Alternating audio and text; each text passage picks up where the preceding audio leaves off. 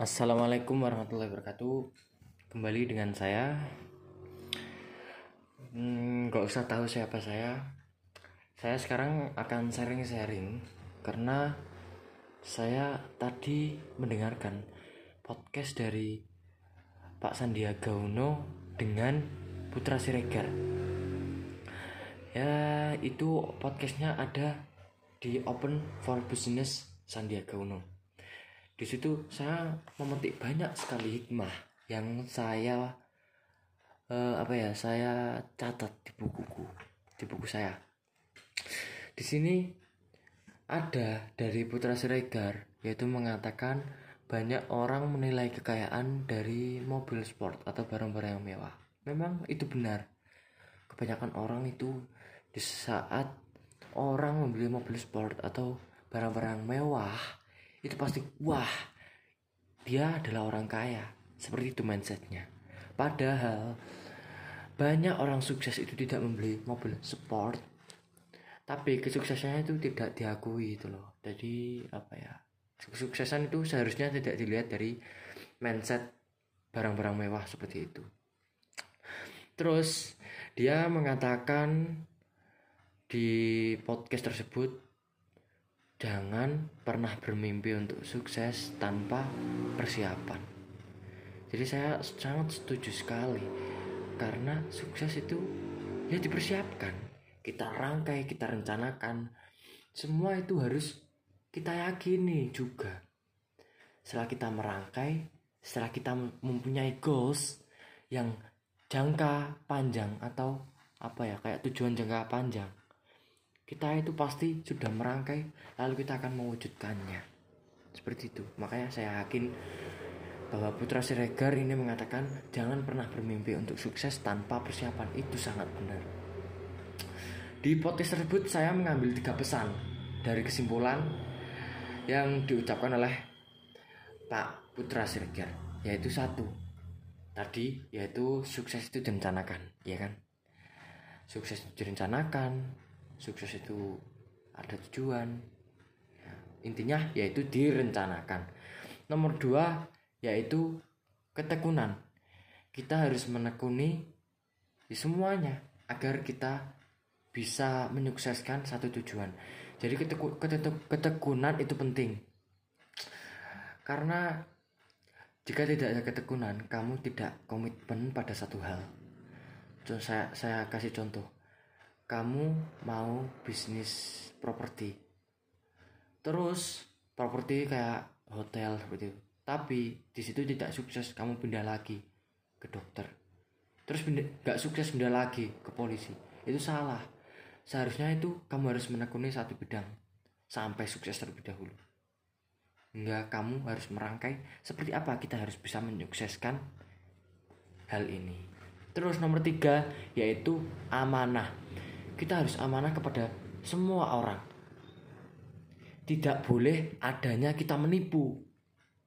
Kita harus jujur, kita harus menyenangkan atau melayani dengan amanah. Terpercaya kan, amanah itu terpercaya dan kita harus mempunyai kepercayaan dari konsumen, dari teman kita, dari uh, ya semua yang ada di sekitar kita. Jadi tiga tiga tadi pesannya dari kesimpulannya yaitu sukses itu direncanakan. Dua ketekunan. Tiga amanah.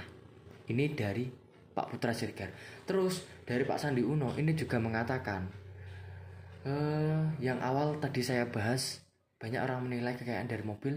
Pak Sandi Uno ini juga mengatakan bahwa biasanya semua yang ia pakai sehari-hari itu secara fungsionalitas. Paham gak jadi yang dipakai oleh Pak Sandiaga Uno itu secara fungsionalitas.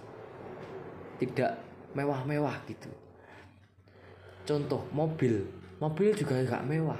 Intinya bisa mengantarkan dari tempat A ke tempat B. Terus contoh lagi baju. Baju itu yang nyaman untuk dipakai saja. Itu sudah cukup. Di suatu saat Pak Sandiaga Uno ini menjadi menjadi ketua ketua himpunan pemuda di Indonesia. Nah ini cerita satu cerita. Pas Pak Sandiaga Uno ini dipilih menjadi ketua himpunan pemuda Indonesia di saat itu dia mau rapat atau meeting ya bersama teman-temannya. Lalu Pak Sandiaga Uno ini diantar dengan menggunakan Isuzu Panther. Isuzu Panther mobil yang ya tidak mahal juga tidak murah. Ya dilihat dari fungsionalitasnya saja gitu Pak Sandiaga Uno itu.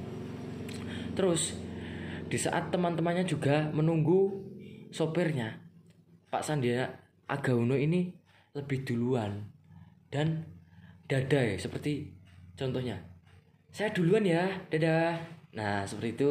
Nah teman-temannya tersebut sangat kaget. Duh kenapa Pak Sandiaga Uno ini kok biasa-biasa saja tidak menggunakan mobil yang sekiranya wah gitu. Karena kan kita menjadi apa ya menjadi kayak bawahannya ketua.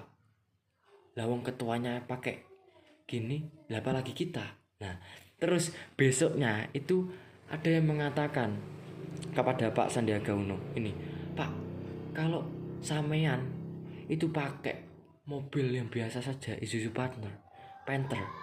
Terus gimana nasib kita pak? Kita harus memakai apa? Hmm, gitu. Karena kita juga harus merasakan bahwa kita itu besar bahwa kita itu harus mewah gitu loh.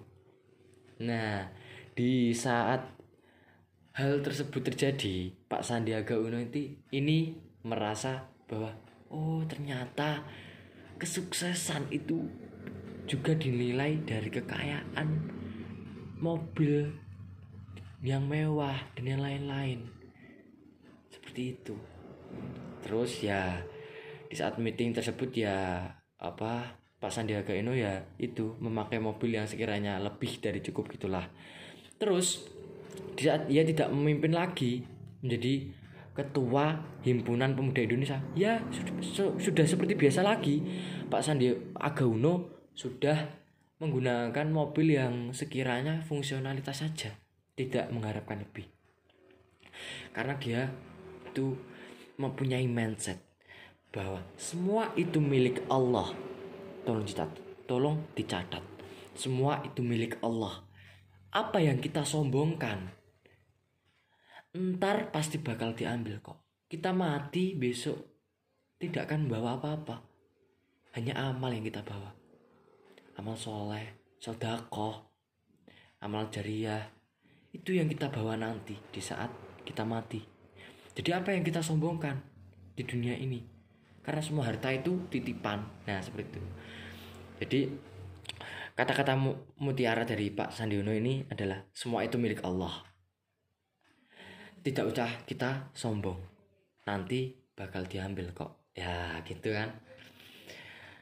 Ya jadi saya simpulkan semuanya bahwa semua itu milik Allah. Kita sukses, kita mempunyai uang banyak, jangan janganlah untuk sombong-sombongan. Ya untuk kita lebih cukupkan diri saja, gak apa-apa. Jangan melebih-lebihkan apa yang kita punyai karena semua itu milik Allah dan semua akan kembali padanya. Dan kita di dunia ini ingat, kita di dunia ini hanya sementara Dunia sementara Akhirat selama-lamanya. Ya Ya nyantai-nyantai dulu lah Sampai di sini ya Sering-seringnya Besok kita akan sering-sering lagi Bila saya mempunyai Pikiran yang apa ya Yangnya atau mempunyai Sebuah pemikiran gitu Saya akan meluangkan waktu saya Untuk bercerita lah Tentang apa yang saya pikirkan. Semoga bermanfaat ya. Wassalamualaikum warahmatullahi wabarakatuh. Next time. Semoga bermanfaat ya. Makasih. Udah dengerin omongan yang gak jelas. Wes, Assalamualaikum.